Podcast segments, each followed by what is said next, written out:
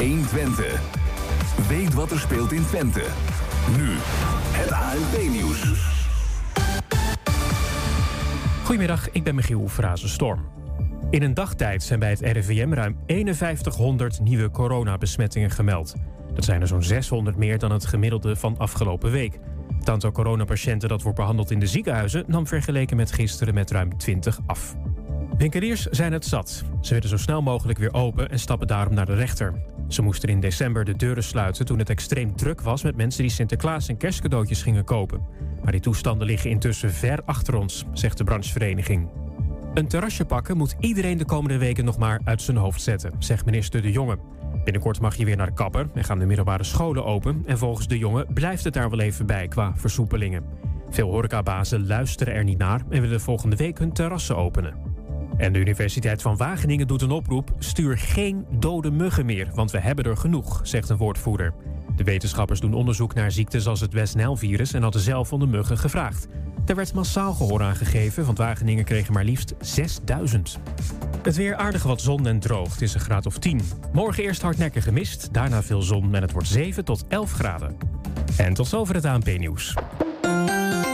Vrijdag 12 maart gaan we weer goed fout op Foute Vrijdag. Met in de studio Johan Fleming. Jessie Ariaan. Bjorn Klok. Harm Spang. En Stef Ekkel.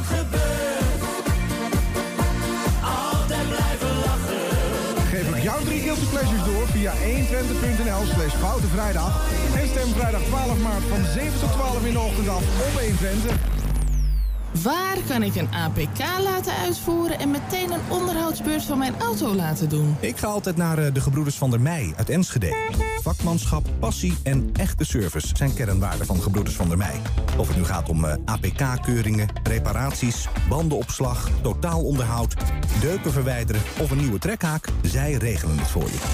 Gebroeders van der Meij vind je aan de Lonnekerbrugstraat 80 in Enschede. Vrijdag 12 maart je radio op 120 voor de Foute Vrijdag. En breng je stem uit voor 5 maart via 120.nl slash Foute Vrijdag. 1 Twente. Weet wat er speelt in Twente. Iedere dag praten we hierbij over alles wat er in Twente gebeurt. Via radio, tv en online. 1 Twente. In de strijd tegen verveling mocht jeugd uit Hengelo deze week legaal rellen. De groene envelop viel bijna twee maanden geleden bij ons op de mat. Eigenlijk in alle huizen in Enschede. En vandaag hoor je hoeveel ermee is gedaan. Hendrik Jan Bukkers die stopt toch niet met zijn rockband Bukkers. En Arn Ruigtaal onderzoekt de relatie tussen de impact van de coronamaatregelen en het rouwproces. Het is vrijdag 26 februari en dit is 120 vandaag. Een eh, kinderblad in het plat. Je kunt ze niet vroeg genoeg bier brengen, zou ik maar bijna zeggen. Goed nieuws. Volgende week, dankjewel. Komt de eerste editie uit van eh, De Wijsneus, of De Wiesneus in het eh, goed Neder-Saxisch. Aanleiding de maand van de streektaal, in dit geval dus het uh, Neder-Saxisch. Onze juf Adrie die heeft een handje in dat kinderblad gehad. Maar de complete inhoud is ook ingesproken door een 100% tukker, Ada Vreeman. Ze zit bij ons aan tafel. Ada, welkom. Ja, dankjewel voor de uitnodiging. 100% tukker. Klopt dat? Ja, klopt helemaal. Voor zover ik uh, mijn uh, familie terug kan gaan, dan komen we echt niet verder als uh, Almelo, Amt Almelo, Frieseveen. En van mijn vaders kant is dat Hengelo, Borne, Zenderen. En ja, dan ben je over. Ja, sorry. Kan er niet meer van en, maken. En, en, en, noem eens iets wat, wat, wat, jij, wat jou is overkomen. Bijvoorbeeld, wat maakt dat jij nou 100% tukker bent? Um, nou, allereerst mijn taalgebruik natuurlijk. Want hoe goed of ik ook mijn best door, het komt gewoon altijd Neder-Saxisch te oederom, zo maar zeggen. uh, om een voorbeeld te geven, ik ging met de dochters, wie doet namelijk aan cultuurthuis. Uh, ik ging met de dochters naar het Rijksmuseum. Ik vind dat ze de nachtwacht moeten zien in zo'n van de 10 en 13. Beetje culturele beetje. opvoeding. Ja, het werd er allemaal bij. En ik sta daar bij het Rijksmuseum, bij, bij de toegangskassa, toegangsbewijzen te kopen. Ik heb mijn allerbeste Nederlands echt goed geprobeerd. Mag ik uh, uh, één volwassen kaartje en twee kinderkaartjes? En ik werd prompt in het Duits terug antwoord. En dan werd me uitleggen of ik alles snap en of ik een audio tour en weet ik al wat hem wil in het Duits. En toen dacht ik bij mezelf, ik denk, ik doe de meut niet meer. Ik vind het wel goed. Uh, mooi is dat. Maar, maar ik, ik, ik, wil het ook proberen in het Twents. Dat kan ik niet zo goed. Ja. Ben, andersom denk ik, als jij dan uh, begin ik in het Twents en dan verval ik in het Nederlands. Ja. Vergeef me. Maar nou, ik kan u wel verstaan. Ja. Dus, dus wat dat betreft gaat dat wel goed. met mijn Twents. Ja, Dan gaan we het hebben over de wiesneus. Je hebt me met hem, of niet? Ja, ik heb een Meddenum. Eh eigenlijk is de Wiesneus een blaadje wat bij basisscholen en eh jeugdverenigingen en dat soort eh, organisaties aan de vraag kan worden. Er staat spelletjes in, een liedje neer, een puzzeltje, een kookopdrachtje, van allerlei dingen staat erin. Dan is eigenlijk de bedoeling, en dat is in het verleden ook al was mangs gebeurd met variaties hierop, dat opa's en oma's of vrijwilligers op een basisschool of bij een jeugdvereniging komt voorlezen uit het tijdschriftje en dan gezamenlijk bijvoorbeeld, nu staat er op de achterkant arretjeskeek, maar arretjeskeek zonder gewoon maken, bijvoorbeeld. Maar ja, coronatechnisch kan dat natuurlijk helemaal niet. Ja, maar die opa's en oma's mogen de klas niet in. die bijt de klas niet in, los door dat heel schoollus is. Want dat is ook maar de vraag hier en door. Nou, maar op een bepaald moment zegt eh eh, mijn nicht Adrie, dus jullie juf Adrie... die zegt van, eh, kun je dat niet inspreken? En je zegt, maar dan kun je een audio-opname kun je dat doen... en dan kan het in plaats van dat opa's en oma's op school komen vuur lezen... kan het gewoon afgespeeld worden via Ah. internet. En dan is er toch een voorleesmoment, want... hoe goed de juffen van tegenwoordig ook allemaal bent... ja, ze kunt niet allemaal Nee, neder-saxies. nee, nee. Dus, dus je bent eigenlijk oma Ada in dat geval. Ja, het is alleen dat ik nog geen oom heb. Nee, ik, weet, dan- ik, ik hoop het ooit wat te worden, door niet van, maar dat is weer hebben wat we, anders. hebben we dus juf Adrie en oma Ada. Ja, Het wordt, wordt hier bijna nog gezellig. Die dissen hebben we waar.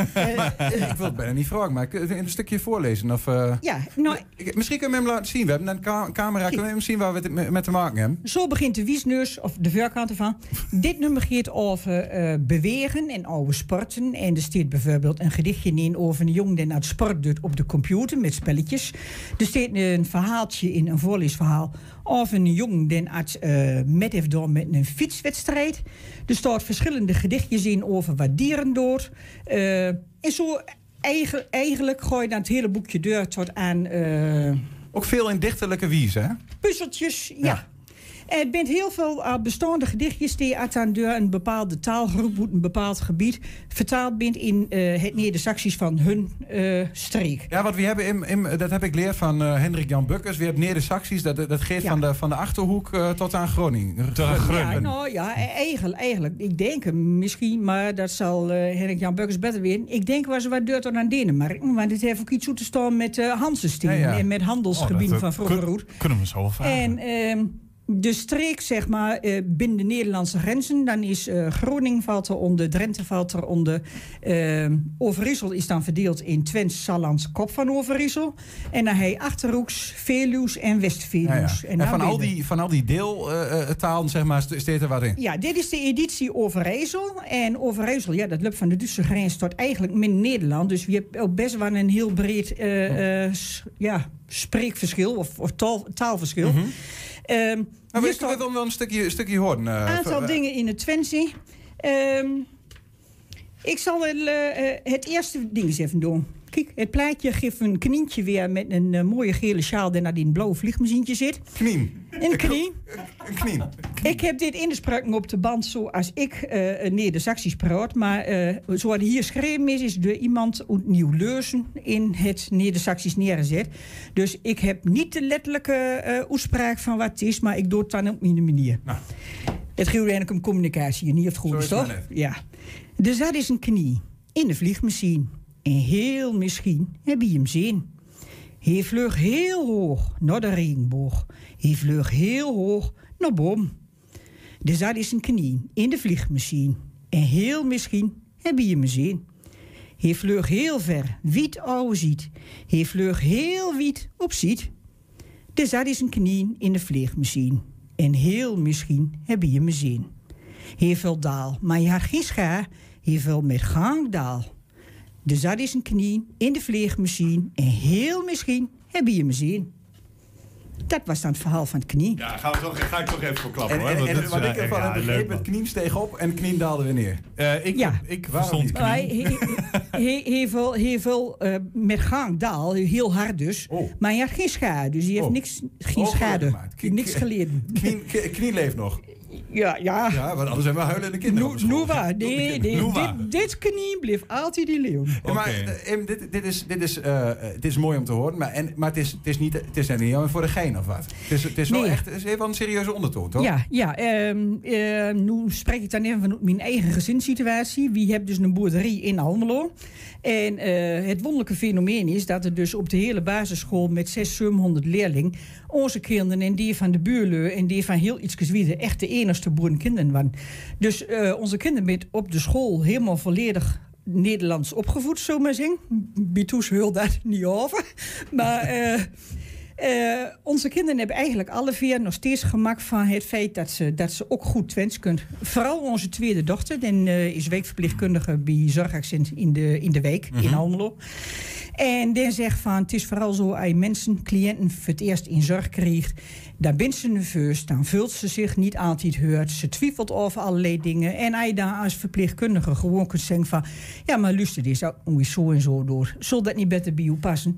Dan is die vertrouwensband. Ja, oké, maar die, en dan kin- loopt die, die kinderen die, die je dit v- voor gaat lezen, hè, Ja. eh, op de band al, zeg maar. Ja. Groep, groep vier. Nee, ja, dit is onderbouwbasisschool. Nou. Het voorleesverhaal zal in de middenbouw nog kunnen, maar Als, dan als, die, al. als die nou op een gegeven moment de leeftijd hebben dat ze, dat ze ook verpleegkundige worden of wat dan ook. Is er, bent er dan nog wel Twents sprekende mensen hier überhaupt? Dat denk ik wel. Want op de een of andere manier zorgt alles wat, door, eh, wat het gevul heeft, Twents te weer, zorgt elkaar wel op. Onze jongste zit altijd, ja, nu dus niet, coronatechnisch, maar als in een keer met de geheimzender eh, in de buurt. eh hij naar het AOC, ja, het heet dan nu zo'n college, maar naar een groene school gaat, zou ik maar zeggen. Ja, dan kom je de dorpsjongensting, eh, de plattelandsjeugdting. En dat blijft toch eigenlijk allemaal nog wat Twents praten onder En om die nog weer te kunnen bereiken en om dat. Ja, en en toch een voor het beetje- be- behoud van de taal is ook belangrijk, toch? Ja, dat ook wel, maar misschien ook gewoon het stukje erkenning van... eh, eh, je kunt nu met hangen en wurgen maar in wil zetten... een vlekkeloos Nederlands te kunnen praten. Maar hoe dat niet helemaal lukt, hoef je door geen schaamtegevoel uit te houden. Maar het is ook helemaal niet erg. Je communiceren kunt in de Twents. Als je maar ouwe brengt waar je zeggen wilt, dan is het goed, ja. Als scholen dit nou zien en ze zeggen van, nou, we willen eh, Ada wel de band in de klas halen, en we willen de wiesneus in de klas hebben, wat kunnen ze dan doen? Eh, dan kunnen ze zich aanmelden bij wiesneurs.nl en dan kunnen ze exemplaren van dit krantje eh, aanvragen. En ik heb begrepen dat het eh, ook nog officieel oededeeld worden, of oederijkt worden eh, begin maart. Maar dat weet ik wie dus niet hoe dat in elkaar zit. In het kader van eh, de maand van de streektaal. Want dat In de is maand daar- van, de- ja, dialectmaand, maart, dialectmaand, de maand van de streektaal. Ja. Ga je is, kijken op aanmelden-wiesneus.nl en dan kun je En dan kun je exemplaren krijgen. Kijk aan, Ada Vreeman, dankjewel. Ja, graag gedaan. Succes met de uitzending verder. Dankjewel. De groene Nee, envelop. nee, nee, Niels. Nee, je moet het nu ook in de Twents volhouden, deze tekst.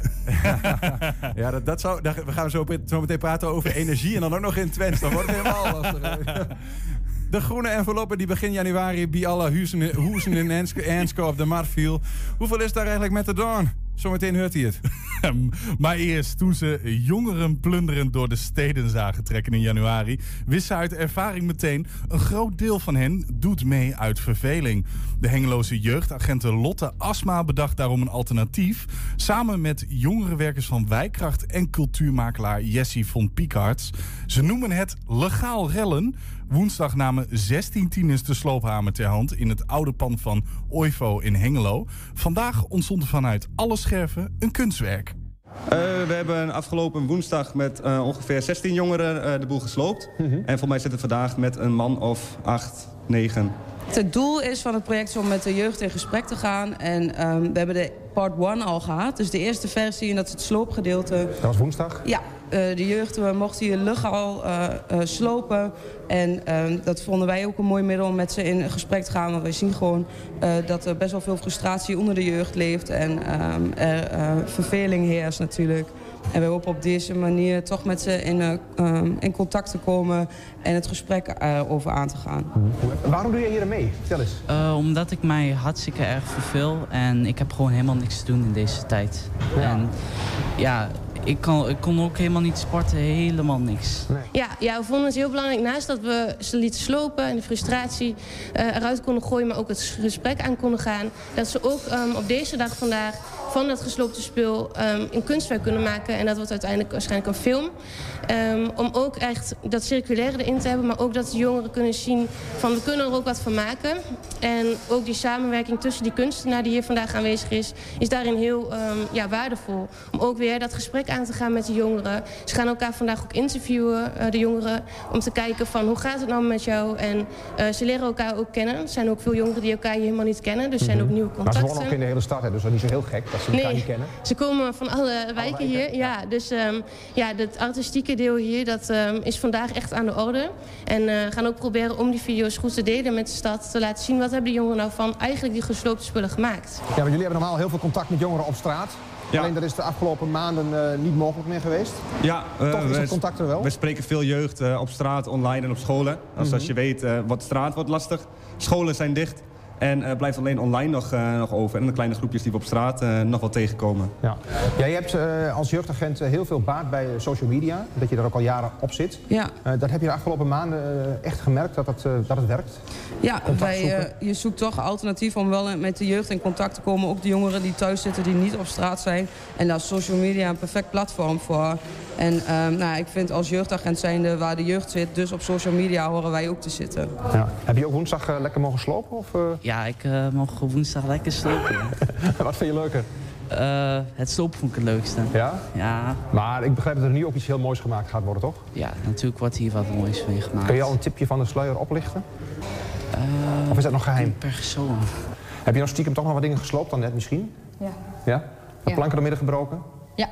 En nu uh, ga je zo meteen iets moois maken met z'n ja. allen? Ja. Maar, ja hoe, wat vind je van deze tijd, deze coronatijd? Saai. Ja, niks te doen, niks te beleven. Ja. Ja. Uh, ik ben zelf werkzaam, werkzaam bij Skills, onderdeel van Wijkracht. Mm -hmm. uh, we hebben wel eens wat dingen samen gedaan met de politie. In kleinere mate. En de cultuurmakelaar is net nieuw, dus daar hebben we nog niet, uh, niet eerder mee samengewerkt. Nee, hoe smaakt die samenwerking? Ja, smaakt naar meer. Ja, ja. Voor mij wie is leuks neergezet. Dus, ja. We willen inderdaad heel graag dat ze um, weer uit deze tijd... waar misschien niet zoveel toekomst voor het gevoel van de jongeren... Mm -hmm. Beetje uitzichtloosheid. Ja, uit, uitzichtloos. Uh, dat ze toch het gevoel hebben, er komt echt een betere tijd. We kunnen echt samen maken. En hiervoor is ook echt die dag bedoeld. En ook om met die verschillende, um, ja, de jeugdagent, uh, jongerenwerk, skills... met de cultuurmakelaar samen te kijken hoe kunnen we hiermee verder ook. Hè? Dat moet ook een vervolgstap komen.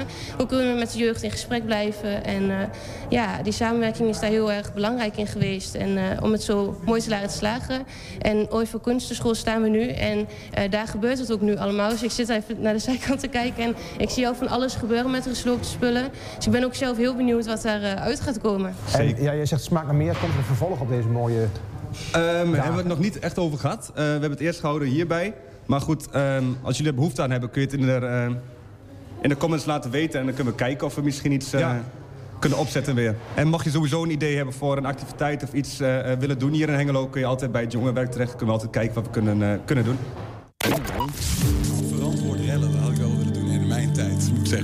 Hey, het is uh, twee maanden geleden dat deze groene brief op de deurmat viel... van alle Enschedeze huizen...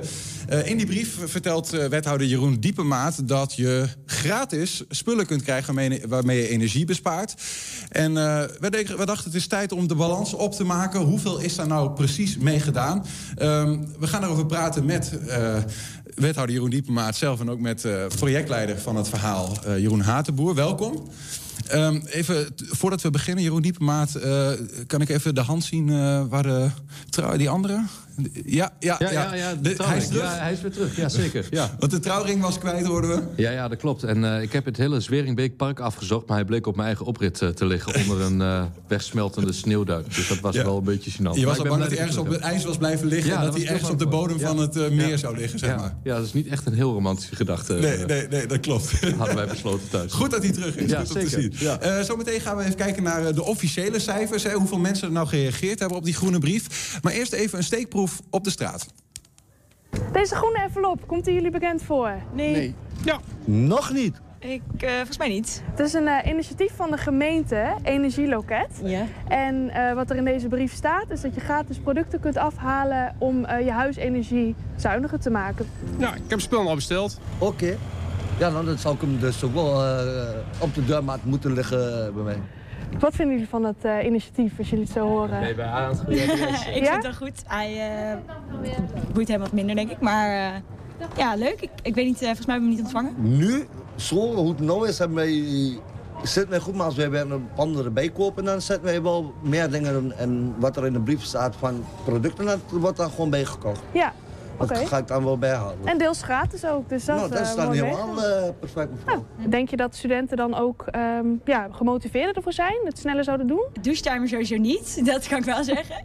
Maar ik denk ledverlichting, als je, als je het gratis krijgt, dan wel, lijkt me. Ja, denk ik wel. Studenten zijn erop gratis, dus uh, waarom niet? Ja. Gewoon extra stimulans om uh, toch bezig te zijn met het duurzaam. Yes. Ja, zeker. Klopt. Dit is de website. En er zijn ook allemaal andere mensen die dus al hebben meegedaan, ervaringsverhalen. En uh, u kunt zich hier aanmelden, postcode invullen en dan uh, kunt u gratis dingen gewoon afhalen.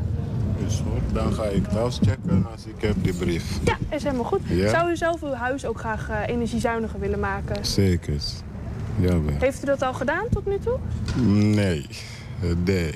Maar misschien in de, in de toekomst kan wel, snap je? Ja, snap ik. Maar nog niet gedaan. Nou, bedankt. Nou, meerdere mensen hadden de brief al gezien. Zelfs een paar hebben ook al producten besteld. Sommigen wisten nog niet van het initiatief. Maar eigenlijk was iedereen uh, enthousiast. En iedereen wel voor een, uh, een groene Enschede in de toekomst.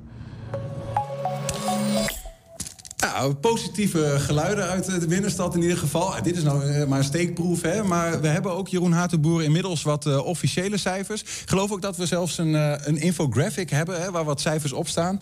Als die in beeld uh, zou kunnen komen, dan kun je misschien ons meenemen in het Neem verhaal. Neem ik jullie mee, ja, ga ik doen. Um, lukt dat? Techniek, mensen? Ik heb hier nou ja, anders begin je alvast. ja, alvast. ja. Uh, nou ja, hier, we hebben ze hier. hier. Ja. Nou ja. Uh, we hebben, uh, het werd al gezegd net in het filmpje... we hebben alle huishoudens in Enschede een brief gestuurd... namens wethouder Diepenmaat. 55.000 brieven zijn er verstuurd niet dan aan de bewoner van dit pand, maar echt op naam. De gemeente heeft echt heel erg goed werk gedaan wat dat betreft. Uh, het grappige is dat sommige mensen de brief niet herkend hadden als een brief van de gemeente. Zelfs het rode logo van de gemeente werd dan niet herkend. Dat hebben we van een paar mensen gehoord. Het is toch duidelijk te zien dat het een brief van de gemeente is. Maar naar aanleiding van die brief alleen al... Uh, en dat kan je dan zien, even kijken, waar staat hij... Uh, vanuit de brief naar de website gekomen. 11.000 mensen. Dus 20% van de mensen heeft de brief gepakt. Er zit zo'n code op en plop, kom je op de site. Uh, unieke bezoekers in de bespaarshop die erachter zit, 21.000. Dat is echt waanzinnig veel. Daarboven zie je overigens ook hoeveel mensen er al besteld hebben. Bijna 12.000. Totale bestellingen 12.000 12 uh, huishoudens, ja. huishoudens van de 70.000 ongeveer. Ja, ja, iets minder zijn het er, maar ja. ongeveer 70.000 huishoudens. Dus dat is echt een waanzinnige score. Dan zie je dat er, er zijn eigenlijk twee shops. één voor huurders en één voor kopers. Hè. Er zit wat verschil in. De actie was begonnen voor kopers, maar gelukkig hebben de corporaties in Enschede ook meegedaan. En daardoor was er voor huurders ook wat te halen. Daar heeft de wethouder straks ook echt nieuws over. Nou, dan zie je uh, hoeveel accounts er aangemaakt zijn. Er zijn 14.740 accounts. Dat betekent dat de gemeente in staat is straks... we hebben net de eerste test gedaan... hebben we 14.470 mensen tegelijk een berichtje gestuurd... over het energieloket. En dat is allemaal goed gegaan. Een paar dingen, nou ja, je hebt altijd wel iets wat getwikt moet worden... maar dat gaat ontzettend goed. Ja, dus even de, de, de, dus er zit ook een soort van uh, ding onder van... hey, laten we die Enschede bereiken met de boodschap... we moeten met elkaar verduurzamen. Je kunt van ons gratis dingen krijgen... maar laten we nou, laat dat een start zijn, zijn van een veel groter project. Dat is een beetje... Nou ja, kijk, zo is het, ja. Uh, ja, en misschien nog maar meteen het, het nieuwtje uh, dan erbij te doen. Het, het was begonnen als project voor uh, bewoners, uh, CQ-eigenaren van huizen, dus niet voor huurders. We hebben al eigenlijk vrij snel gezegd: het is gek dat alleen voor die groep is en niet ook voor de huurders, want die hebben net zo goed belang bij de positieve voordelen die dit kan hebben. Dus om die reden hebben we meteen al de coöperaties bereid gevonden mee te doen. Maar we hebben nu ook te horen gekregen dat we in de tweede ronde, die geopend is voor huurders, ook nog een subsidiebedrag toegekend hebben gekregen van 1,8 miljoen. En dat is dan even het nieuwtje. Zo. Dus dat kunnen we er nog eens bovenop zetten. Waarmee we het ook voor alle huurders uh, uh, ja, mogelijk maken om, om hiervan mee te profiteren. En wat kan daaraan mee gedaan? Want die, de, dit eerste project, zeg maar, ja. de campagne die nu loopt, de, was geloof ik 2,6 miljoen. Er komt nu nog eens 1,8 voor huurders bij. Wat kun je daar dan mee doen? Daar kunnen we het eigenlijk gewoon mee verbreden. Dus kunnen we meer spullen mee beschikbaar stellen. Ja, maar even als voorbeeld. Ik, ik huur zelf een, een, appartement in Enschede. Ik heb mijn 33 bespaarpunten al gebruikt. Krijg ik nog extra punten nu? Nee, helaas zit dat niet in. Dat zou je graag willen. Ik zie het aan je ogen. Ja, tuurlijk. Ja. Uh, maar het is uh, de bedoeling dat zoveel mogelijk huurders bereikt worden. En iedereen krijgt gewoon 33 punten. Wat we nu gaan doen in de tweede trouwens... is dat we nog een keer extra aandacht gaan vragen. Je zag net in het plaatje van die pieken zitten. De pieken zitten op het moment dat je mensen informeert. Dus waarschijnlijk, kijk, nou kan je het goed zien. Hè. Waar wij een uitzending hebben bij 120 is een piek. Dat, die tweede grote piek was een artikel in de Tubantia bijvoorbeeld. Het lijkt wel de bitcoin-grafiek. Ja, ja nou, zo'n beetje.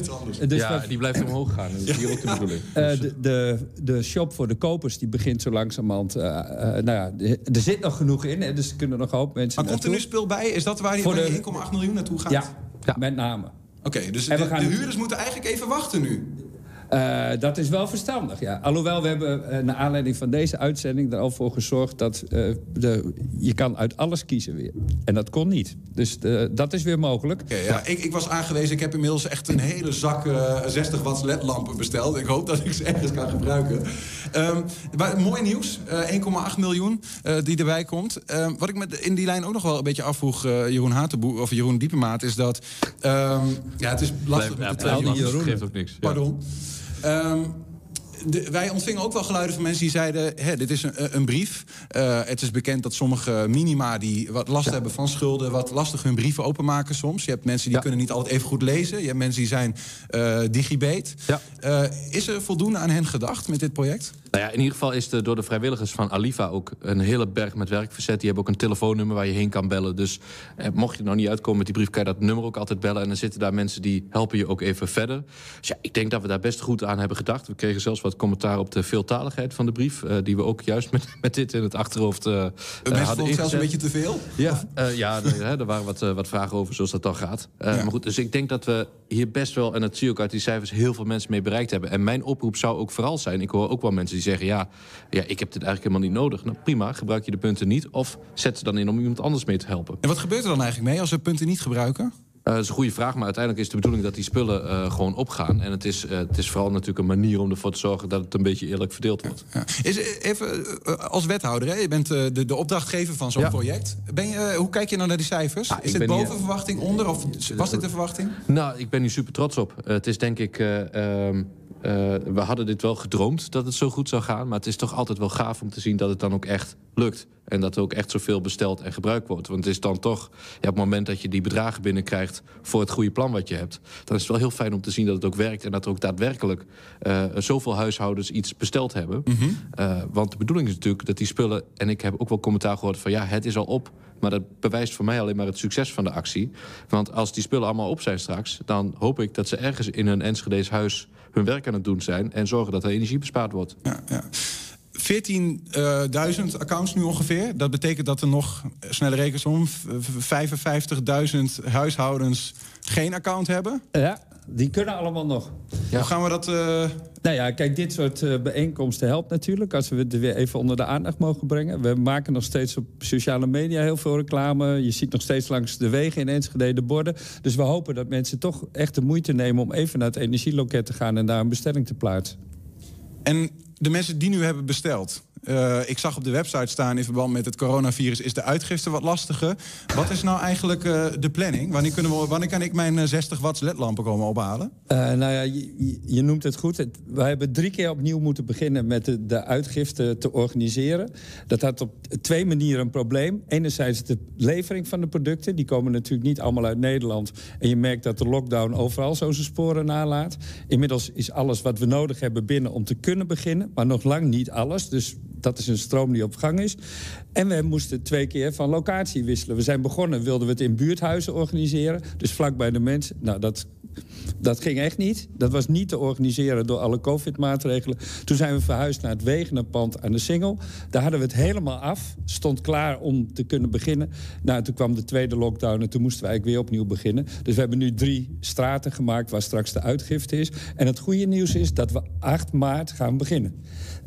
Dat wil niet zeggen dat iedereen dat 8 maart ook kan. Vanaf 8 maart in tijdsblokken. Ja. En we hebben de hele software aan moeten passen om je even een idee te geven van de webshop. Om in blokken uit te kunnen leveren, in Mhm. tijdsblokken, in drie straten. Dus, Dat is een hele operatie. Het is een enorme maar even operatie. Voor, de, voor, de, voor de duidelijkheid, tot 31 maart kunnen mensen nog blijven bestellen, toch? Zeker weten. En eh, we zijn natuurlijk nu aan het kijken van...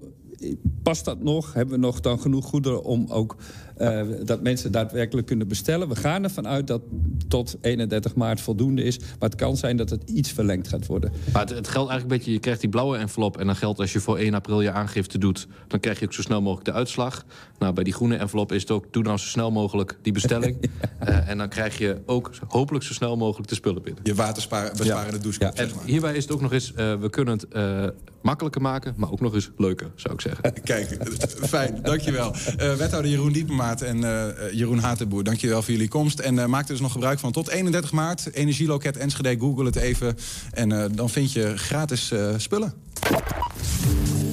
Straks hier de eerste aflevering van onze nieuwe rubriek De Stelling Squad. Maar eerst, de band Bukkers besloot op 6 maart 2020 dat het mooi was geweest... en dat vanaf 14 maart een afscheidstournee van start kon gaan.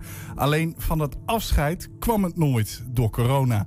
Na bijna een jaar van onzekerheden heeft de band besloten afscheid van de oude bandleden te nemen en een frisse wind door de formatie te laten gaan.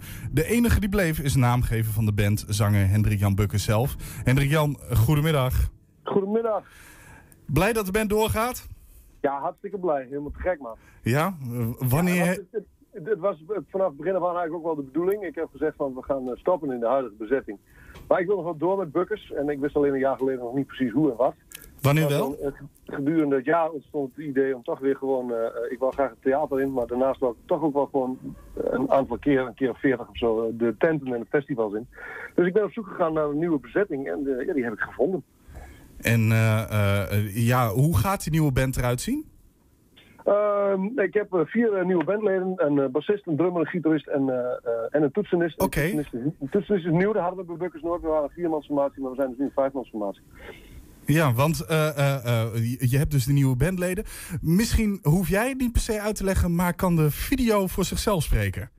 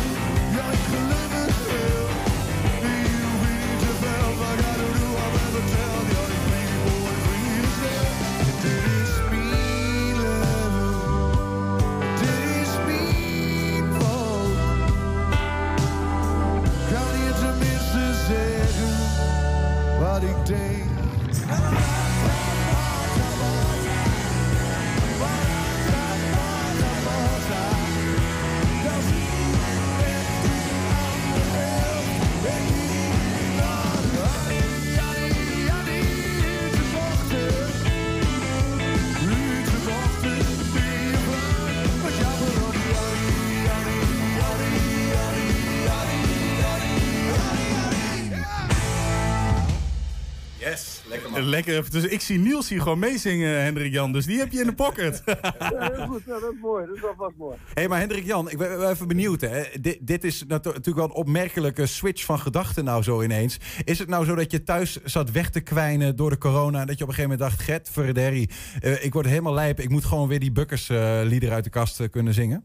Nou, nee, dat, dat wat ik zei, dat was eigenlijk direct het idee wel om, om, eh, om nog een aantal keer met Bukkers op pad te gaan. Maar ja, toen ik deze jongens allemaal vond, toen, eh, ja, het is wel echt te gek. Dus het, ja, je hoort het, er zit een hoop energie in. Hoe, hoe ben je ze tegengekomen? Het, het knapt weer als van ouds. Dus ja, ik krijg er wel inderdaad, eh, het is wel tegenovergestelde van wegkwijnen dit jaar. Ja, hoe, hoe- hoe ben je ze eigenlijk tegengekomen? Liep je door het dorp heen en hoorde je opeens wat uit de, uit de krochten van Heino ergens prachtige muziek klinken. En dacht je, nou, die jongens die moet ik hebben? Nou, nee, niet helemaal. Ik kende Jeroen eh, en eh, Jim, die kende ik al. Jeroen, uh, de toetsenist heeft een aantal keer bij ons meegespeeld, heeft het uh, plaat met dingen ingespeeld. Dus die had ik eigenlijk al direct een plezier van, die wil ik graag bij hem. En Jim ken ik gewoon uit de buurt als goede gitarist. Voor Bart, bassist, geldt eigenlijk hetzelfde. Die, die ken ik van zijn andere band waarmee hij wel eens in ons voorprogramma heeft gestaan. En die had ik altijd wel in de smiezen van. Nou, dat is een lekkere bassist. En Stef, onze drummer, die was door de coronatijd wilde hij zich ook helemaal, helemaal kapot. Dus die heeft allemaal filmpjes van zichzelf op YouTube gezet, op Facebook. En die zag ik. Toen dacht ik, ja, die moet ik hebben. Die is heel erg goed. dus ja, toen, zo is het eigenlijk een beetje ontstaan. Katin Bakkie. Is, het nou, is, het nou de, de, de, is, het, is dit nu de permanente uh, bezetting van, van Bukkers voor, ja. de, voor, de, voor de rest van je leven? Zeg maar, is dat de instellen, insteek, echt? Ja, ik, ik, de rest van mijn leven is wel een hele lange periode. Dat, uh, maar nee, dit is nu Bukkers gewoon. Ja. Uh, dit is nu wat Bukkers is. En nu dan? Want nu, heb je dus, hey, je, hebt gewoon weer een voltallige band. Uh, jullie zijn ongetwijfeld aan het repeteren als ik dit zo zie. Dat klinkt gewoon heel goed. Uh, mm. maar ja, je, je kunt vooralsnog nog steeds niet, niet echt wat met je energie doen. Nee, nou, we, we zijn nu bezig. Van de week is er een, is de persbericht eruit gegaan en de mail eruit gegaan naar alle boekers en alle festivals en alle zalen. Dat de Bukkers in deze formatie verder gaat. Dus we zijn aan het kijken met al die gemiste shows die we met de Bukkers Bukkers 1 zeg maar, niet hebben kunnen doen. Die gaan we waarschijnlijk met deze bezetting gewoon doen. Klinkt het nou ook anders? Mag, en wij hopen, je ziet nu in het land dat iedereen is dingen aan het verplaatsen naar september. Nou, dat heeft denk ik wel een beetje te maken met dat, uh, met dat fonds wat in het leven geroepen is. En als ik zo eens bekijk hoe, hoe zich dat allemaal ontwikkelt, dan zou het toch wel echt heel erg gek zijn als we in augustus, september niet gewoon konden beginnen met een lekkere inhaalslag. Dus ja, daar, daar richten we onze pijlen wel een beetje op. Maar horen we dan, Hendrik Jan, dezelfde uh, sound, dezelfde bukkers als voorheen? Of maken deze nieuwe bandleden nou ook dat, dat de sound toch iets wat veranderd is? Want je speelt dus ja, ja. ook dezelfde liedjes.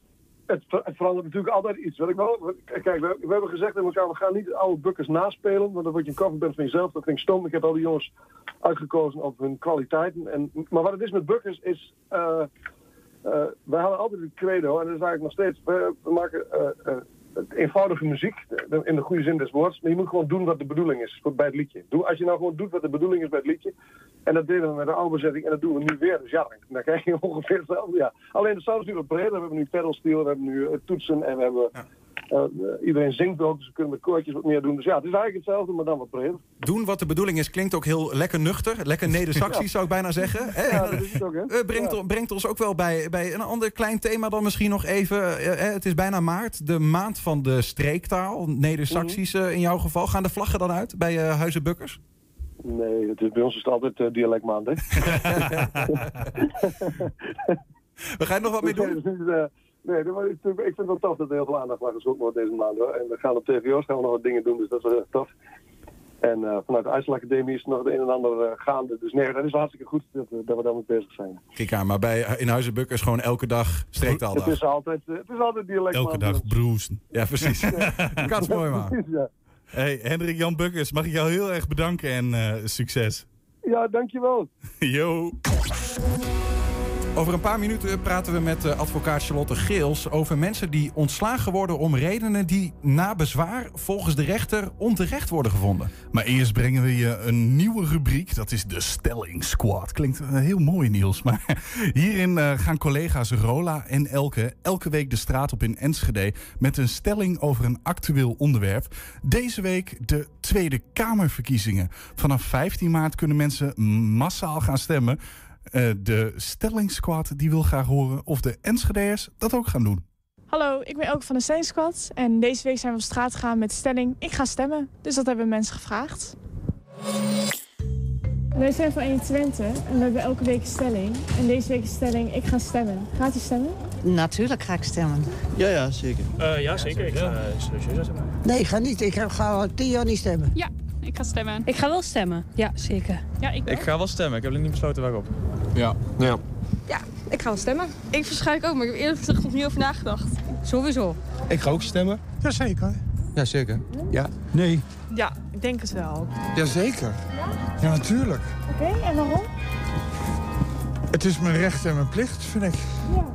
Als ik een mening heb en ergens niet mee eens ben of mee wil praten, zal het moeten omdat ik vind uh, dat iedereen gebruik moet maken van het recht om te stemmen. Nou ja, ik ben de coronaregels een beetje zat op het moment. Ja. Ik vind het een beetje overdreven nou. Volgens mij valt het allemaal wel mee met hoeveel mensen ziek zijn van de corona. En eh, de regels die worden wel een beetje ja, te, te streng, te erg. Eh, nou, ik vind gewoon als ik iets te zeggen heb... of ik denk dat ik ergens commentaar op heb... moet je eerst wel gaan stemmen. En anders moet je netjes je mond dicht houden. Oh, maar ik vind het gewoon belangrijk om je stem te laten horen. We hebben toch een stemrecht in Nederland. Dat vind ik heel mooi. En eh, ja, ik vind het belangrijk om je stem te laten horen. En waarom niet? Ja, nou, nou, of door, door de hond of door de kat gebeten wordt. Het is mijn credo. eh je wordt aan de andere kant dan word je dus eigenlijk uh, besodemieterd. Eh, nou, ik vind het wel belangrijk dat de stem gehoord wordt. Dat je wel een invloed hebt. Ik zou niet weten waarom je het niet zou doen. Nee, precies. 40 jaar gevaar op zee. En daar kun je niet stemmen. Nou ja, omdat dat een van de weinige mogelijkheden is om enige invloed uit te oefenen op de gang van zaken. Ja, ik vind omdat ik 18 ben, dan moet ik wel stemmen. Ik heb wel een mening, dus dan moet je ook wel je mening laten tellen, vind ik. En wie? Ik weet het nog niet zeker. Ik denk Geert Wilders, maar ik weet het nog niet zeker. En waarom? Uh, omdat ik vind dat hij vrij goede standpunten heeft. Uh, Forum voor Democratie. Partij van de Arbeid. Wilders. Of PVV of uh, Forum voor Democratie. VVD. Uh, ik weet nog niet. Ik heb eigenlijk nog helemaal geen tijd gehad om, uh, om me in te lezen. Uh, dus nou, ik ga dat eigenlijk vooral de komende tijd even doen.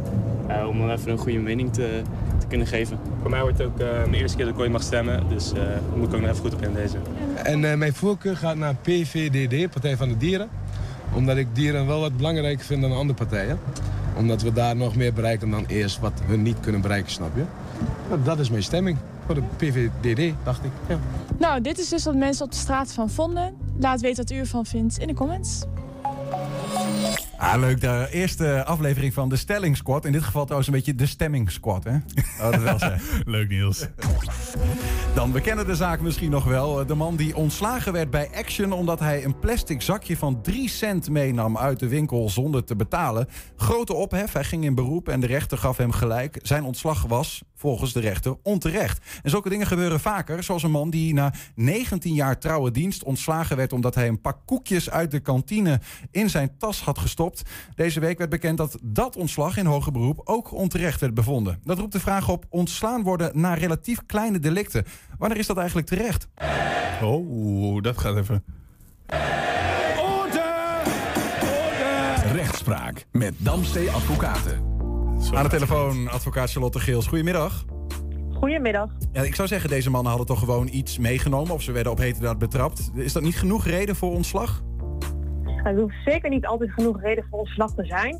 Even een kleine correctie dat ontslag bij de Action, dat was wel een terecht ontslag op staande voet. Over het pak koekjes wat vorige week speelde, dat was inderdaad in hoger beroep teruggedraaid. Het was niet terecht. Um, ontslag op staande voet is echt wel een uiterst middel en dat zag de rechter in deze zaak ook wel in.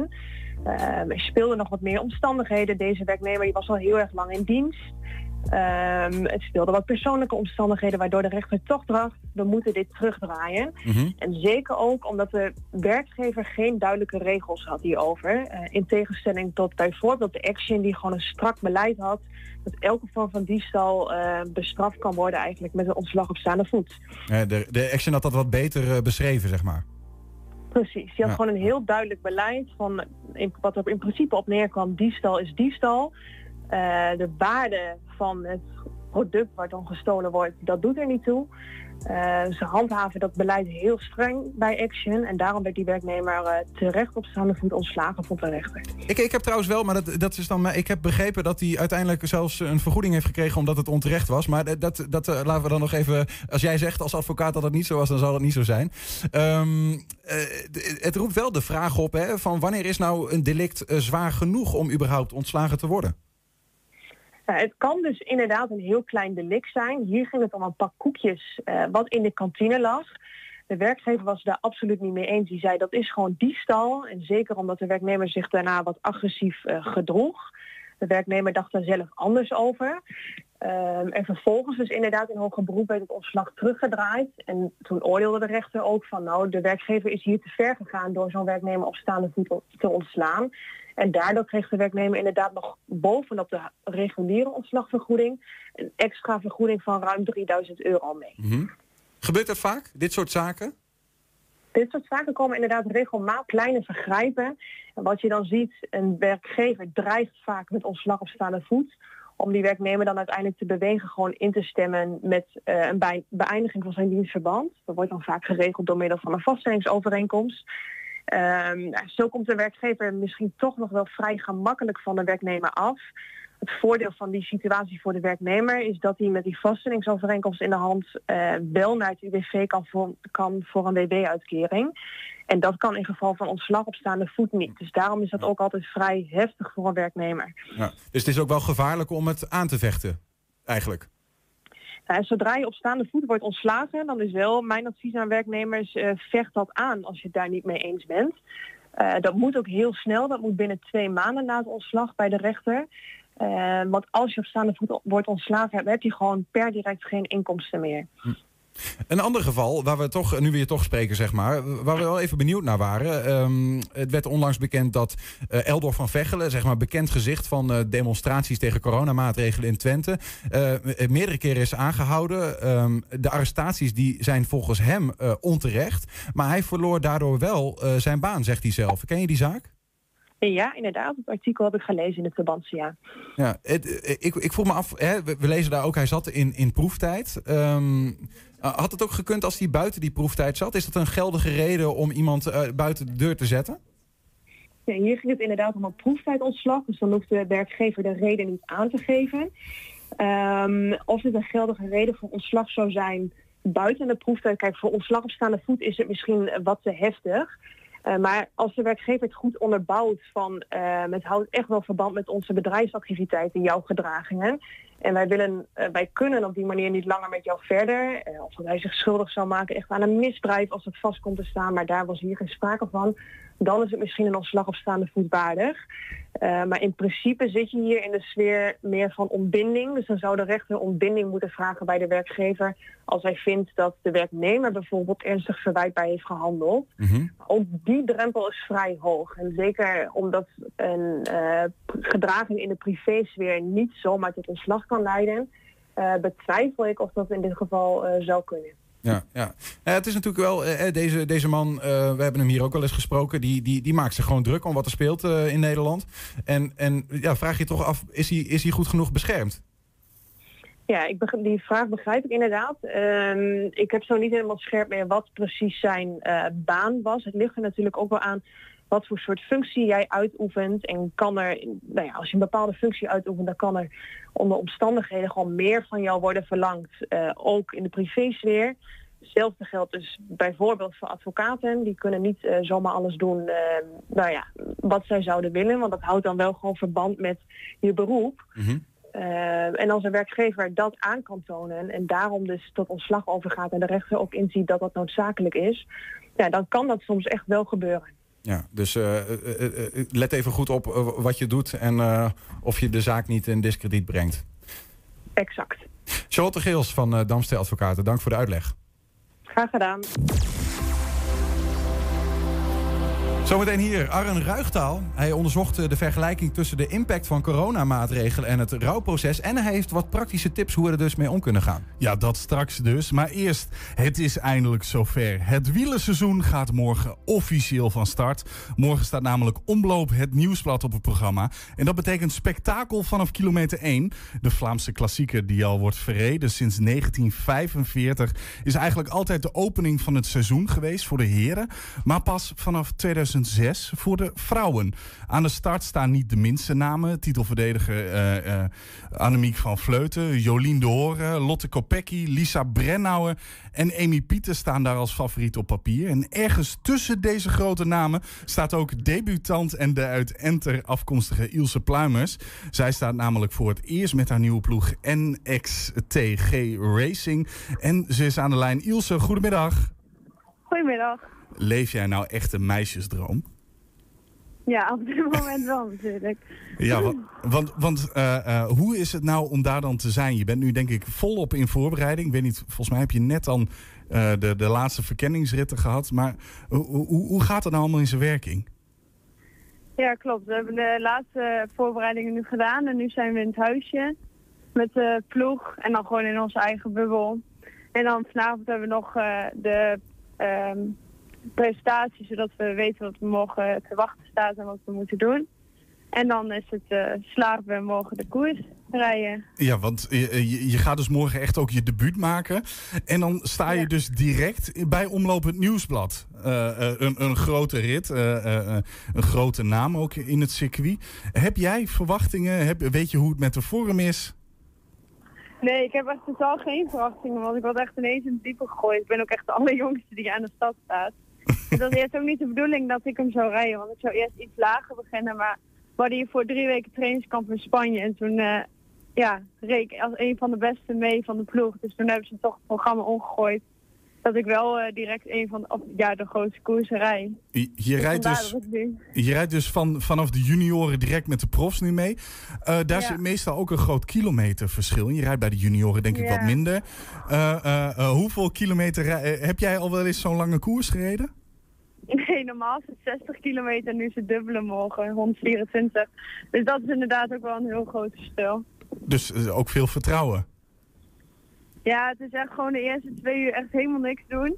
Vooral alleen maar verschuilen tussen uh, de grote namen en dan uh, uiteindelijk komen de klimmetjes en dan proberen wat mee ja. te doen. Maar het gaat niet veel meer zijn dan meerijden waarschijnlijk. Wie, wie, wie is eigenlijk jouw idool? Ja, ik denk toch wel Anne van der Breggen en Annemiek. En Anna heeft me ook een paar tips gegeven, dus dat is altijd leuk. Wat, wat zei ze? Uh, nou, dat ik gewoon de eerste twee uur vooral veel moet eten en me niet gek moet laten maken. En valpartijen vooral ontwijken. Want ja, het is natuurlijk wel de eerste koers, dus wat één hectische bende op het begin. En dan vanaf, daar krijgen we de Molenberg, dat is een kasseiklim.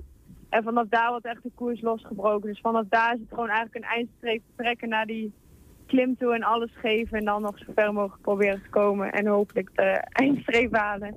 Ja, en uh, jouw, uh, jouw broer, broertje, volgens mij broer hè, die rijdt ja, bij, bij Jumbo-Visma, daar nog bij de junioren. Ja. Heb jij eigenlijk uh, hem nog gebeld en te zeggen van, haha, ik sta hier eerder? nee, hij had het zelf al gezien, dus hij heeft me ook wel geholpen met het verkennen van het parcours. Dus dat is altijd wel fijn dat je dan zo'n broer hebt die er ook verstand van heeft. En wat voor morgen? Wat zijn de verwachtingen? ga je hem uitrijden? Ik hoop het wel. Nou, maar laat... het gaat wel heel zwaar worden. Dan wens ik jou heel veel succes. Ilse Pluim is morgen te zien in Omloop het Nieuwsblad. En uh, namens ons 120 wensen we jou echt heel veel plezier en succes. Dankjewel. Dan uh, moeten we even kijken wat we doen. Want we zouden okay. nu een gast hebben, Arjen Ruigtal, over vergelijkingen. Hij heeft zeg maar, onderzoek gedaan naar uh, vergelijkingen tussen corona-impact van de maatregelen zeg maar, en het rouwproces. Hij is er volgens mij nog niet. Dus nee, kunnen we Bart anders wel. Uh, misschien kunnen we het mij... op die manier doen. Nou, doen we dat zo. want Bart, Zweem is al in de house. De columnist van dienst. Elke week toch weer hoop in bange dagen met een, een scherpe, doch bemoedigende boodschap. Heren, het is nog nooit gebeurd dat jullie mij eerder naar binnen halen. Normaal gesproken lopen jullie altijd uit. ja, ja die, wat anders. Die columns duren zo lang altijd.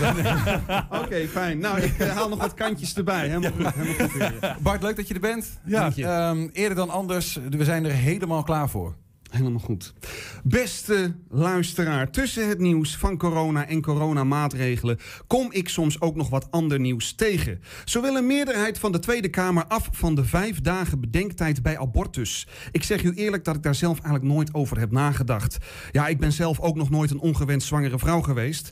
Maar die vijf dagen bedenktijd, die schijnt dus nogal betuttelend te zijn. Dat je dan die hele moeilijke beslissing hebt genomen en dat er dan tegen je wordt gezegd: ga daar eerst nog maar eens vijf dagen extra over nadenken. Terwijl je dan nog steeds in die ongewenste zwangere situatie blijft waar je juist uit wil komen. Daar ging het nieuws dus over. Best een moeilijk en precair onderwerp waar ik als man eigenlijk helemaal niet zoveel over wil zeggen. Nee, want ja, wij gaan als mannen nooit zwanger worden. Mijn lichaam verandert daardoor niet. Mijn hormoonhuishouding blijft hetzelfde. En als ik misselijk boven het toilet hang, is dat hoogstens van een kater, van een avondje die heeft geleid, tot de zwangerschap van iemand anders. Dat is een grapje, moet ik erbij zeggen, voor mijn vriendin. Uh, mijn punt is, ik heb hier geen verstand van en misschien kan ik dan beter voorzichtig zijn met een mening daarover. Nou hoor ik iemand met een christelijke moraal in de verte al roepen, maar een man moet ook het ongeboren leven beschermen. Misschien, misschien. Maar dan moet je denk ik eerst ook meer van die man gaan vragen. Ik stel voor, laten we voor die man invoeren vijf dagen bedenktijd voordat hij seks mag hebben. Is dat haalbaar?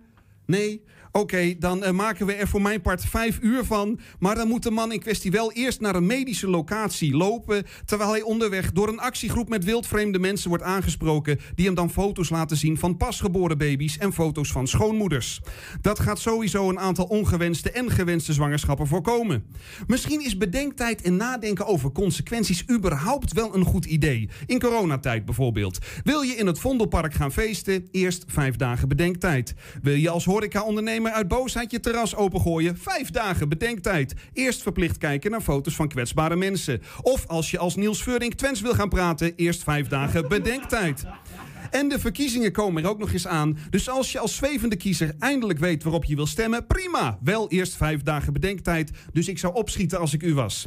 En als je als onderweg dan naar het stembureau bent en je komt dan weer. eh, eh, ik loop helemaal vast met die zin, dus ik ga het overnieuw doen. Ik heb vijf dagen bedenktijd. Als ik onderweg ben naar het stembureau, dan komt ook weer die actiegroep met wildvreemde mensen op je af. Die verhalen gaan vertellen over hun politieke opvattingen. En die je dan foto's laten zien. Wilt u GroenLinks stemmen? Kijk dan eerst even naar deze daken met zonnepanelen. Weet u zeker dat u dat als uitzicht wil? Wilt u op de VVD stemmen? Kijk dan eerst even naar foto's van mensen bij voedselbanken. Weet wat u met uw stem wegbezuinigt.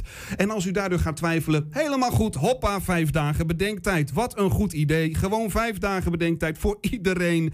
Of nou ja, ik zeg dat wel. Maar ik ga daar eerst nog even vijf dagen over nadenken.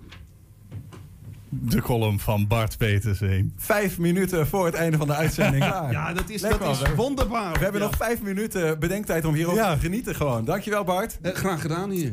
Ehm, ja, dan, dan is, zijn we nu aangekomen bij onze volgende studiogast, Arren Ruigtaal. Volgens mij is hij er nog steeds niet. En dat is ook wel eh, te begrijpen, Julian. Oh. Daar is namelijk een verklaring voor. Ja. Want Arren Ruigtaal bestaat niet. Er is geen Arren Ruigtaal. Eh, Laura. Mag ik jou vragen om eh, eventjes hier plaats te nemen? En eh, even op je in te laten werken dat als je de letters uit de twee woorden Arren Ruigtaal neemt. en Jullie weten dat ik hier niet van hou. Dat weten wij, daarom doen wij dit ook. En op een andere manier schikt, dan krijg je de twee woorden Laura Ratering. Oh, wat erg. En ik loop nog de studio uit. Ah, dan ruikt al de studio.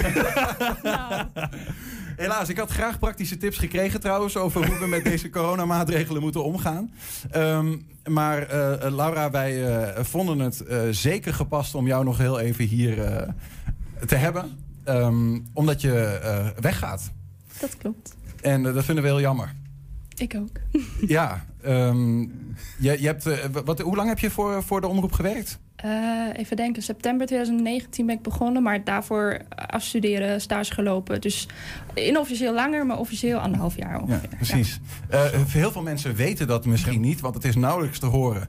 Eh, maar je bent geen native Nederlander. Je komt eigenlijk uit, uit Duitsland. Wanneer kwam jij hier naartoe eigenlijk?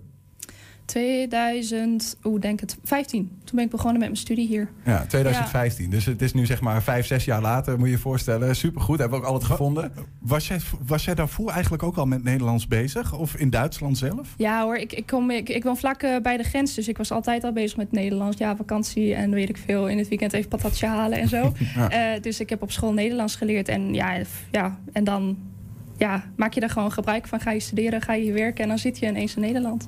Je, hebt, eh, je zei het al, je, bent- je hebt een tijdje bij, eh, ook voor de krant eh, nog dingen gedaan. Op een gegeven moment eh, bij ons eh, komen werken bij 120. Eh, zijn er nou projecten geweest waarvan jij zegt, nou, daar, dat vond ik wel echt, eh, dat is echt een, een krent uit de pap die nog, eh, waar ik met, met veel plezier naar, naar terugkijk. Zo. Dingen die ik heb gedaan. Mm, nou, ik vind sowieso altijd die persoonlijke verhalen vind ik altijd leuk eh, om die te schrijven. Ik heb eh, ooit een keer een stel geïnterviewd, Walid en Wassim. Die zijn uit ehm, eh, Liba- uit Libanon gevlucht. Ik moet even denken. Ja, en die, ehm, eh, omdat ze, ja, ze zijn homo en ze mochten daar gewoon niet zijn wie ze zijn. En ze zijn naar Enschede gekomen. Of ja, via via, maar uiteindelijk zijn ze in Enschede beland. En ik heb die twee ontmoet eh, door een andere opname die ik had. En ehm, eh, ja, ik heb nog steeds contact met, met die twee. Gaat hartstikke goed. En eh, nou ja, je, dat, dat is gewoon heel fijn als er gewoon ook ja, een soort van vriendschappen ontstaan of zo. En dit is echt een verhaal dat heeft me echt geraakt. Ja, ja. ja, ja. Ja. Mooi. Toch heb je besloten om, eh, om uiteindelijk eh, te gaan. Eh, ja, ik, zou- ik zou bijna willen vragen van, waarom? Nou ja, ja misschien. nou ja, kijk. mijn moedertaal is Duits. En, en op een gegeven moment mis je dat. En je mist misschien ook je vrienden. en jouw land of zo. En nou ja, je, dan maak je op een gegeven moment maak je keuzes. Ja. Ja, ja. Terug, terug naar het, het warme nest. Waar ga je naartoe? Ik, eh, ik ga naar Keulen. De Dom en eh, de... Ja, de Prachtige Rijn. stad. Ja, heel, Ja, ja, heerlijk. echt prachtig. Ja. Ja. En dan verder met journalistiek werk daar? Zeker, zeker. Altijd. Ja, daar heb ik echt eh, heb ik hier wel geleerd. Dat ik, dat, dat mijn passie is. Ja. Laura, ik, de- ik ga het even persoonlijk voor mezelf maken. Ik heb je dat ook vaker gezegd, maar ik ga het gewoon hier on-air doen. Eh, je schuift hier wel eens aan omdat je iedere week eh, bijvoorbeeld de Veiligheidsregio Twente en de GGD interviewde met de coronacijfers. Tot aan je eigen eh, frustratie toe. Soms dat je dacht van gut, gaan we weer. Maar ook dat is eh, het werk soms. Hè. Ehm, eh, maar je doet nog veel meer. Eh, je bent eh, eh, ehm, eh, leider op de redactie, stuurt de mensen hier aan. Dat eh, vind ik echt dat je dat altijd fantastisch hebt gedaan. Ehm, je hebt heel veel van jezelf gegeven. Eh, je begon 's ochtends vroeg en je eindigde 's avonds laat. Dan kwam er nog weer een artikel op de website met jouw naam daarbij. En dan dacht ik weer van, gut, die heeft er nog steeds eh, mee zitten werken. Ehm, je cijferde daarbij jezelf echt weg, soms misschien zelfs te veel. Ehm, maar ik heb daar diepe bewondering voor. En eh, ik, denk, ik denk wel dat ik namens iedereen spreek als ik zeg dat we je ontzettend gaan missen. En dat we je ook heel, heel, heel veel plezier eh, wensen bij je nieuwe werkplek in Keulen. Dankjewel. En dat je, daar, eh, dat je daar ook echt weer mag eh, voelen dat je vastzit. En dat je, eh, vast, dat je zeg maar vaste grond vindt. Dat je de warmte om je heen voelt. Dat je vrienden en familie om je heen hebt. En dat gemis. En dat je, maar dat je toch vanuit daar soms af en toe dan ook de kracht zult vinden om eventjes toch Nederland nog eh, niet, rechts te laten liggen. Dat gaat, gaat zeker lukken. En kijk, misschien ook voor de luisteraars even fijn. Maar kijk, je ziet hier altijd zo'n kant-en-klare uitzending. Hè? Maar wat, wat we eigenlijk allemaal op de redactie doen en zo. Dat, en nou ja, dan sta je hier in de studio en soms vraag je je af... ja, jeetje, dat hebben we eigenlijk dat hebben we nu gedaan. En weer zo'n Weer zijn we een uurtje verder met... of we hebben weer een aflevering. eh, en, en nou, ik vind het gewoon prachtig. En nou ja, ik, ik ga gewoon ook afscheid nemen. Dat is ook moeilijk hoor. Dat, ja, ja, Ja. van jullie. Ja. Ja. Want eh, eh, Laura is ook echt begonnen. Ik ben hier begonnen bij Eens Twente toen ik stage kwam lopen. En toen heeft ze mij eigenlijk onder haar, eh, onder haar wing zeg maar, meegenomen. Er zijn er wat mensen weggegaan, maar Laura bleef altijd. Dus dat was altijd mijn steun. Onder haar En, vleugels. ja, ik was onder haar vleugels. Was ik een soort van eh, eh, eh, moedergans. En daar waggelde ik een beetje achteraan. en eh, eh, zodoende ben ik hier ingerold. Dus va- van mij ook echt heel veel respect. Ook heel veel succes met wat je gaat doen. En eh, dan denk ik dat we nu langzaam ook bij het einde van 120 vandaag aan zijn gekomen. Ja. Voor de luisteraar. Maar laten, Eh, we, laten we dat niet doen eh, voordat we eh, zeg maar eventjes Oh, met gaan allen even? even? opzenden hier. En misschien iedereen die ook in de kantine meekijkt of wat dan ook. Even, even. even een staande Even ovulatie. ja. Helemaal goed. Ja, dankjewel Laura. Heel mooi. En eh, heel veel plezier op je nieuwe plek. Tijd voor drank. Yes, want tot zover 120 vandaag. Terugkijken kan dus direct via 120.nl. En vanavond om 8 en 10 uur via televisie. We eindigen dus vandaag wat anders dan normaal. Normaal gesproken zou nu het nieuws komen. Dat gaan we dus ook niet doen. Maar daarentegen wel een nummer voor Laura. Sweet Goodbyes van Chris.